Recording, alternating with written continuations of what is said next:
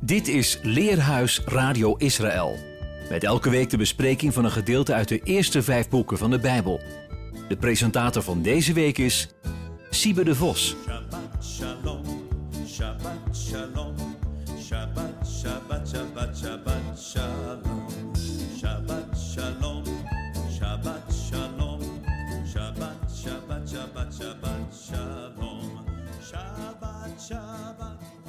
Vandaag bespreken we Noach, de tweede parasha van het boek Bereshit, Genesis, oftewel in het begin. De naam Noach betekent rust of troost. Het behandelt onder andere een oerverhaal dat enorm tot onze verbeelding spreekt en dat in allerlei varianten over de hele wereld is overgeleverd. Veel mensen vandaag de dag geloven niet meer dat er ooit een grote vloed plaats had. Zondvloed betekent gewoon grote vloed. Toch is deze geschiedenis ongelooflijk belangrijk. Zonder Noach zou er geen Abraham geweest zijn en ook geen Israël. De parasha begint bij de grote vloed. Het nieuwe begin met Noach en zijn zonen en de generaties na Shem, Gam en Jafet. Daarna tekent de Torah twee duidelijke lijnen. De eerste is die van de rebel en machthebber Nimrod, die in de loop van de menselijke geschiedenis vele volgers krijgt. De tweede is die van Abraham, die in gehoorzaamheid met zijn vader Terach optrekt richting Canaan. Nimrods lijn eindigt in Babel, letterlijk Bab-El, de poort van de goden, maar niet van de God van Israël. Abrahams lijn eindigt uiteindelijk in de stad waar de eeuwige weer bij de mensen wil wonen, zoals ooit in Ede, Jeruzalem. En als je op internet zoekt op Noach, komen de meest grappige voorstellingen voorbij. Meestal een boot waar twee giraffen met een lange nek uitsteken. Maar als we de parasha goed lezen, dan weten we dat het helemaal geen leuk kinderverhaal is. Het gaat over een mensheid die totaal het spoor is bijster geraakt. Psalm 12, vers 9 geeft iets dergelijks weer. Terwijl rondom boosdoeners hun gang gaan en gemeenheid zich breed maakt bij Adams zonen. Het beeld van God dat over de hele aarde door de mensen verspreid had moeten worden vanuit Ede, is verduisterd. In plaats daarvan is er geweld en bloedvergieten. Gods geduld ging eindeloos ver. Dat lezen we in 1 Petrus 3, vers 20. Zij die eens zich niet lieten overtuigen, toen de langmoedigheid van God bleef wachten. In de dagen dat Noach de ark in gereedheid bracht, waarin weinigen, dat is acht zielen, door het water heen werden gered. Maar er was een kantelpunt, een genoeg.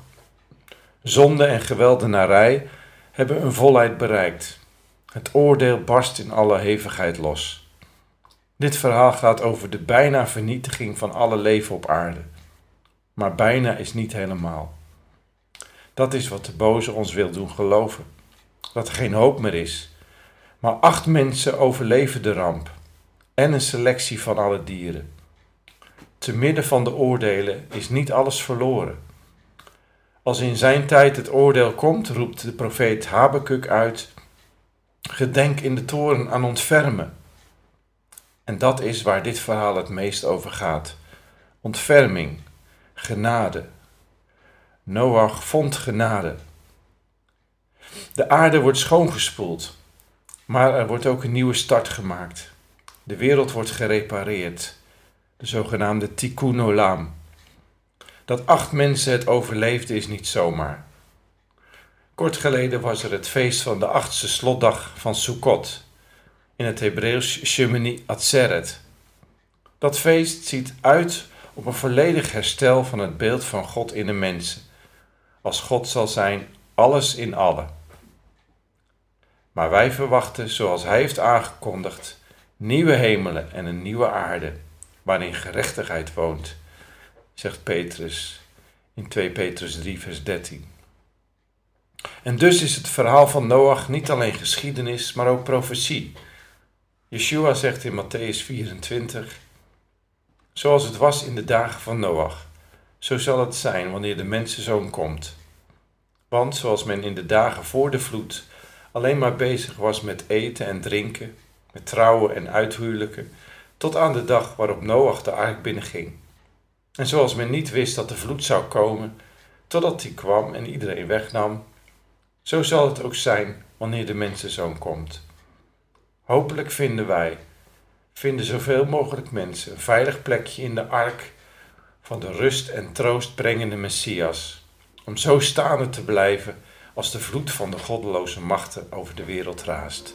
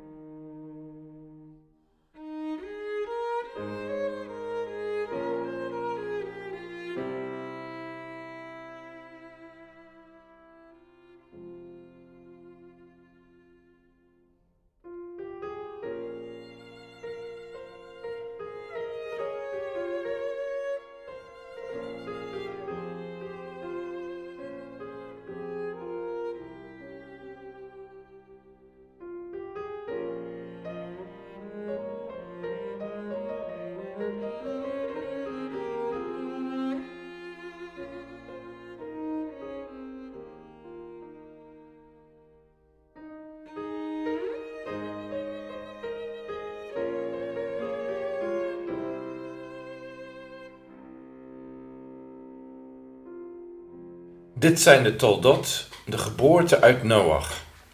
Noach is een man oprecht en vol gaaf geweest in de generaties met hem. Met God heeft Noach gewandeld. Noach doet een drietal zonen baren: Shem, Gam en Javet. Genesis 6, vers 9 en 10. De naam Noach bestaat uit twee Hebreeuwse letters, de Noen en de Get. Noach kan afgeleid zijn van het werkwoord Noen Wafget, Nog, rusten, of Noen Get Mem, Nagam, troosten. De naamgeving wordt vermeld in Genesis 5, vers 28 en 29. Toen Lamech 182 jaar was, verwekte hij een zoon die hij Noach noemde. Deze zoon, zei hij, zal ons troost geven voor het werken en zwoegen dat ons deel is, omdat de eeuwige het akkerland heeft vervloekt.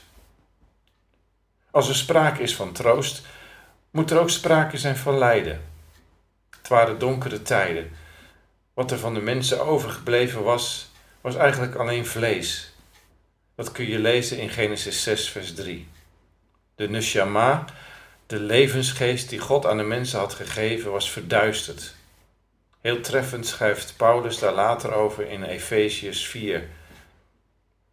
Op gezag van de Heer zeg ik dus met klem: ga niet langer de weg van de heidenen met hun loze denkbeelden.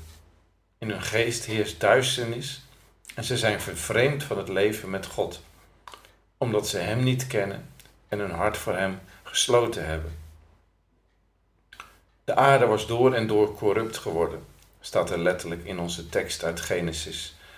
Als een mand met rotte appels. Je kan er niets meer mee beginnen. Bedorven en vol met onrecht, oftewel geweld. Opvallend dat het woord gamas gebruikt wordt voor geweld, ook al is er geen directe etymologische connectie met de groepering uit de Gazastrook. Terug naar Noach. Volgens Joodse uitleggers kun je de uitspraak Noach was een tzaddik, een rechtvaardige in zijn tijd, op twee manieren uitleggen. Positief, als hij te midden van een rechtvaardige generatie had geleefd, zou hij nog groter geweest zijn. Maar ook negatief. Als Noach in de tijd van Abraham had geleefd, was hij niet opgevallen. De Midrash stelt zelfs dat Noach alleen gered werd door genade. Nu is dat ook in onze tijd een belangrijke issue. In ieder geval zijn we allemaal kinderen van onze tijd. Ook wij worden beïnvloed door alles wat er om ons heen gebeurt. In Ezekiel 14 wordt Noach samen genoemd met Job en Daniel, die ook in een vijandige omgeving een rechtschapen levenswandel leiden. Maar het geheim is dat Noach met God wandelt. Met God wandelen vereist bekering en toewijding. Dat mag ook ons geheim zijn.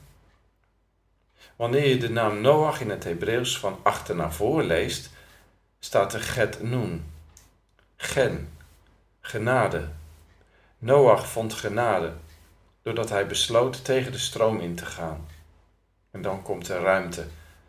In onze taal is het woord gen verbasterd tot gein. Er is weer reden tot gein, tot lachen. Er is troost. Twee namen van Bijbelboeken die van dezelfde Hebreeuwse stam als Noach komen zijn Nahum, de profeet, de profeet Nahum, wat betekent getroost. En Nehemia, Nehemia, wat betekent de eeuwige troost. In hun eigen tijd brachten ook zij troost aan hun volk. En dan te denken aan Simon. En zie, er was een man te Jeruzalem, wiens naam was Simeon. En deze man was rechtvaardig en vroom. En hij verwachtte de vertroosting van Israël. En de Heilige Geest was op hem. En hem was door de Heilige Geest een godspraak gegeven dat hij de dood niet zou zien, eer hij de Messias van Adonai gezien had. Maar kwam door de Geest in de tempel. En toen de ouders het kind Yeshua binnenbrachten om met hem te doen overeenkomstig de gewoonte van de Torah, nam ook hij het in zijn armen en hij loofde God en hij zei, Nu laat gij, Heer, uw dienstknecht gaan in vrede, naar uw woord, want mijn ogen hebben uw heil gezien, dat u bereid hebt voor het aangezicht van alle volken, licht tot openbaring voor de heidenen en heerlijkheid voor uw volk Israël. Yeshua zelf is gekomen om zijn volk te troosten. Hij haalt Jesaja 61 aan. De eeuwige heeft mij gezalfd om aan verslagen harten hoop te bieden, om een genadejaar van de eeuwige uit te roepen en een dag van wraak voor onze God, om alle die treuren te troosten. De naam Noach heeft ook nog een getalswaarde. In het Hebreeuws staat daar het getal 58. Bert Koning schreef in de negentiger jaren een boekje met als titel De dagen van Noach herhaald in de 58ste eeuw. Volgens de Joodse jaartelling leven we nu alweer een maand in 5777, oftewel de 58ste eeuw. Leven we weer in de dagen van Noach.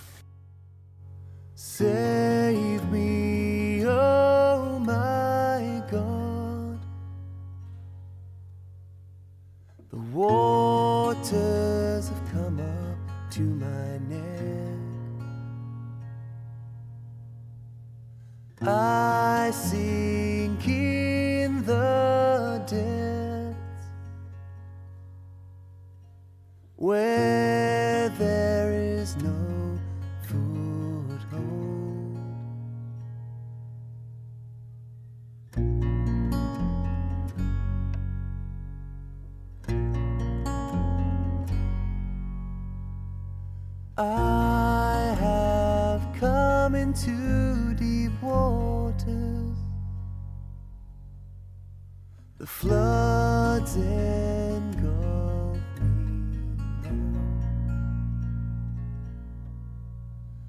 through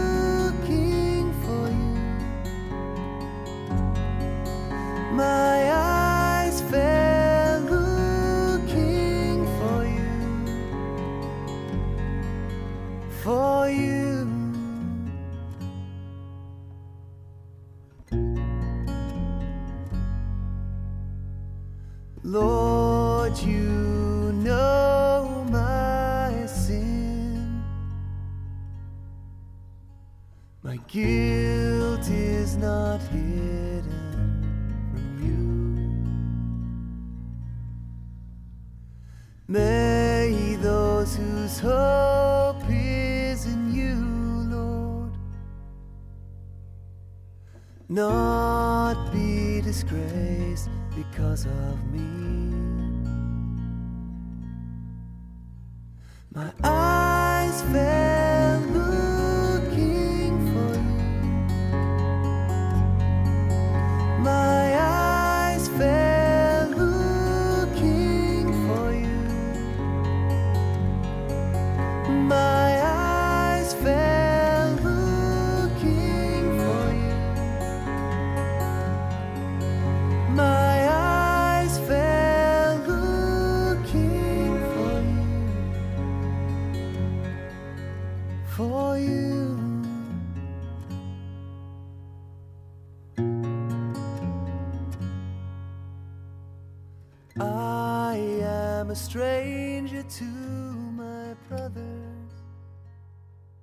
Maak jij voor jou een ark van stammen cypres? Als een vogelnest moet je de ark maken. Bedekken moet je haar binnenshuis en buiten met pekdekking. En dit is hoe je haar moet maken. 300 L de lengte van de ark, 50 L haar breedte, 30 L haar opstand.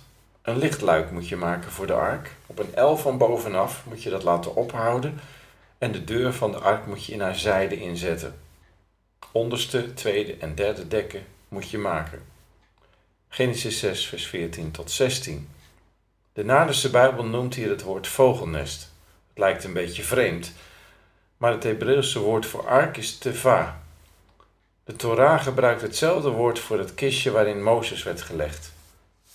Ook dit biezenkistje werd van binnen en van buiten bes- bestreken met pek. Het was dus geen boot in de gewone zin van het woord. Veel eer een hele grote kist. Het woord voor pek is in het Hebreeuws kofer, van dezelfde stam als het woord voor verzoenen, bedekken. We komen dat later in de Torah bij de offerdienst veelvuldig tegen. Daar heeft het, net als hier, met bescherming te maken. Er is bedekking, bescherming vanwege het bloed van de geslachte offerdieren. Hier is kofer natuurlijk de bescherming tegen het water. Het hout alleen zou niet voldoende zijn. En met je geestesoog zie je het kleine biezen mandje, maar ook de levensgrote kist drijven op het water, zonder roer of wat dan ook. De persoon of de personen daarbinnen zijn volkomen afhan- afhankelijk van Gods bescherming, maar ook van zijn leiding. Anders zouden ze overgeleverd zijn aan de elementen. Het is een omkering van denken die haaks staat op het verhaal van de toren van Babel in Genesis 11, waarin de mens zich met beroep op de overlevering van de grote vloed voortaan op eigen kracht beroept. In het Hasidische Jodendom betekent teva ook woord. Op die manier staat de ark van Noach ook symbool voor het persoonlijk gebed. Alle zorgen van het leven kunnen op je afkomen als een vloed. Maar er is bij die gedachte veiligheid in de woorden van het gebed. Je gaat niet ten onder, je blijft drijven, je reist zelfs boven de wateren uit. Hetzelfde Chassidisme leerde dat de deur in de zijkant van de ark staat voor teshuvah, bekering. Tientallen jaren deed Noach erover om die grote houten kist te bouwen. Dat was zijn getuigenis. Wat hij deed was als een waarschuwing. Maar uiteindelijk gingen naast de selectie van alle dieren alleen Noach met zijn zonen en hun vier vrouwen naar binnen. En God sloot, sloot de deur achter hen. Doordat we door de smalle poort naar binnen gaan, komen we in Gods bescherming. 2 Petrus 3 vers 9 De Heer is niet traag met wat is aangekondigd, hoewel sommigen het traagheid achten. Maar hij is langmoedig jegens u, omdat hij niet wil dat sommigen verloren gaan, nee, dat alle tot bekering komen. Het feit dat God zelf de deur achter hen dicht deed, leert ons dat er aan de tijd van bekering wel een einde komt. Zoals Yom Kippur het sluitstuk is van de tien ontzagwekkende dagen. Dan worden de boeken gesloten en wordt het oordeel uitgevoerd. In Lucas 13 lezen we: Iemand vroeg hem: Heer, zijn er maar weinigen die worden gered? Hij antwoordde: Doe alle moeite om door de smalle deur naar binnen te gaan, want velen, zeg ik jullie, zullen proberen naar binnen te gaan, maar er niet in slagen. Als de Heer des huizes eenmaal is opgestaan en de deur heeft gesloten, en jullie staan buiten op de deur te kloppen en roepen: Heer, doe open voor ons. Dan zal hij antwoorden: Ik ken jullie niet. Waar komen jullie vandaan? Jullie zullen zeggen: We hebben in uw bijzijn gegeten en gedronken en u hebt in onze straten onderricht gegeven. Maar hij zal tegen jullie zeggen: Ik ken jullie niet. Waar komen jullie vandaan? Weg met jullie, rechtsverkrachters. En bedenk wel: er zijn laatsten die de eerste zullen zijn, en er zijn eersten die de laatste zullen zijn.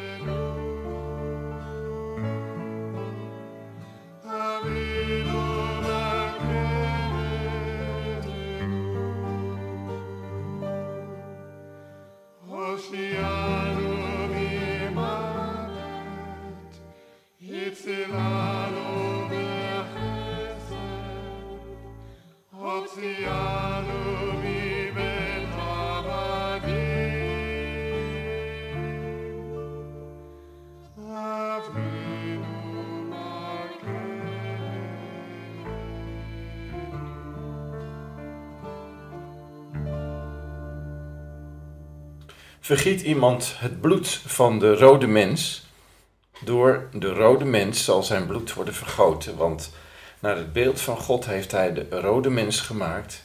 Gij dus draagt vrucht en wordt overvloedig. Verbreidt u over het aardland en wordt overvloedig daarop. Zoals God de eerste mensen zegende om vruchtbaar te zijn, zo zegent God Noach en zijn zonen. Hier wordt het bevolken van de aarde bedoeld, maar het gaat God niet om lichamen die de aarde vullen. Het gaat om Gods beeld dat in de mens bewaard moet worden. Het beeld dat Adam en Gava in de tuin van Eden hadden moeten bewaken, zodat de kennis van God de hele aarde zal bedekken, zoals het water eens de hele aarde bedekte tijdens de vloed. God sluit een verbond met Noach en zijn nakomelingen. Dat zijn dus ook wij, anno 2016, 5777. De belofte is dat er geen totale vernietiging meer zal komen. De voorwaarde bestaat uit het in acht nemen van bloed. Zowel vlees eten waar bloed in zit, als bloed vergieten is een schending van het verbond. Ook leiden de rabbijnen uit deze verse af dat er rechtbanken moeten worden geïnstalleerd om het recht te laten zegevieren, zoals Noach een tzaddik, een rechtvaardige was. Maar ondertussen gaat de wereld sindsdien een andere weg.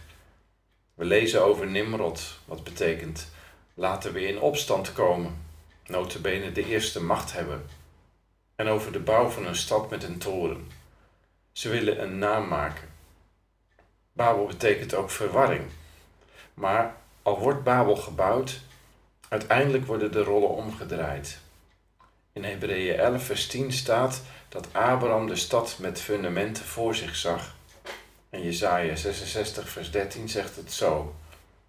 Zoals een moeder haar zoon troost, zo zal ik jullie troosten. In Jeruzalem zul je troost vinden.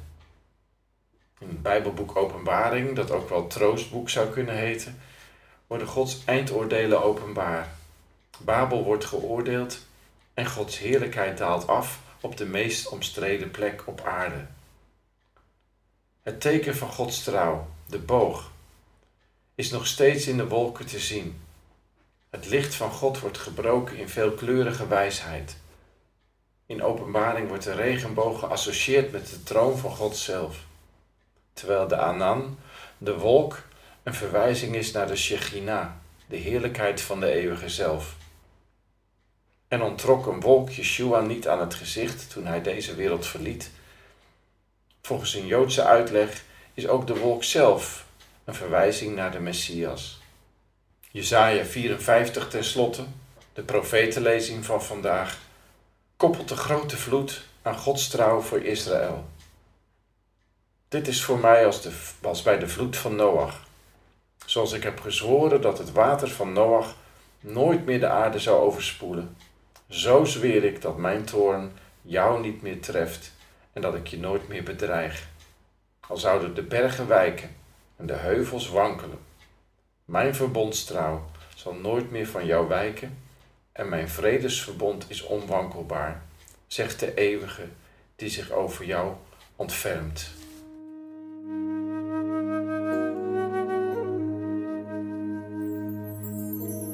Shir lama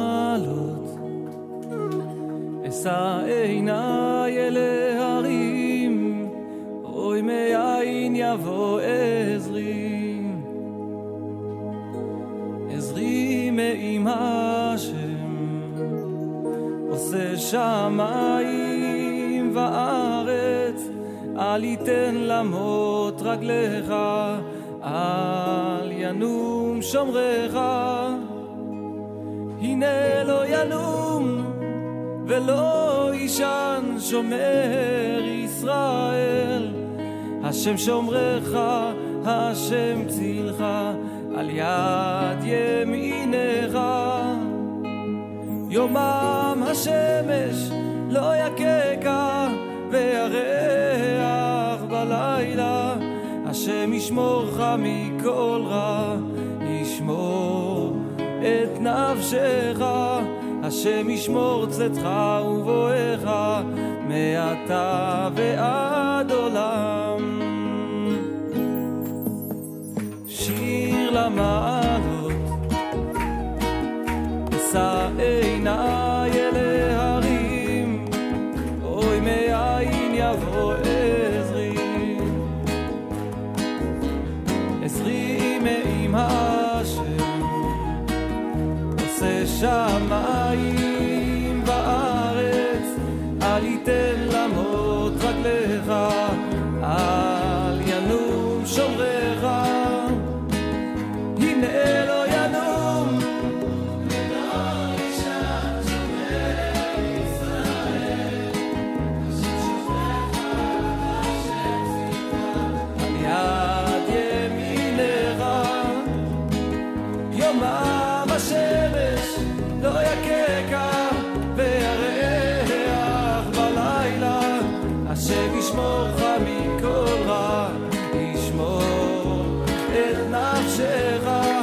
השם ישמור צאתך ובואך מעתה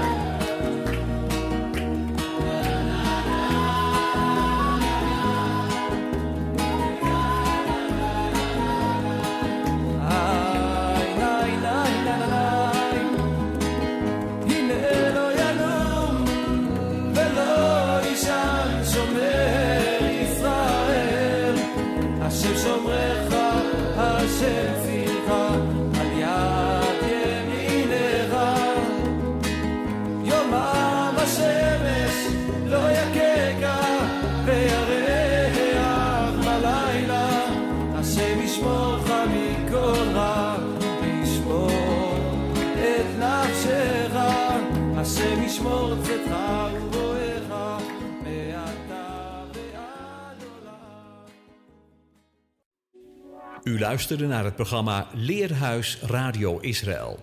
Een wekelijkse studie aan de hand van de Bijbelgedeelten die wekelijks door de Joodse gemeenschap worden gelezen. Heeft u een vraag of opmerking? Stuur dan een e-mail naar info-apenstaatje radioisrael.nl. Het leesrooster vindt u op onze website. Ga naar radioisrael.nl en klik onder het kopje radio op programma's.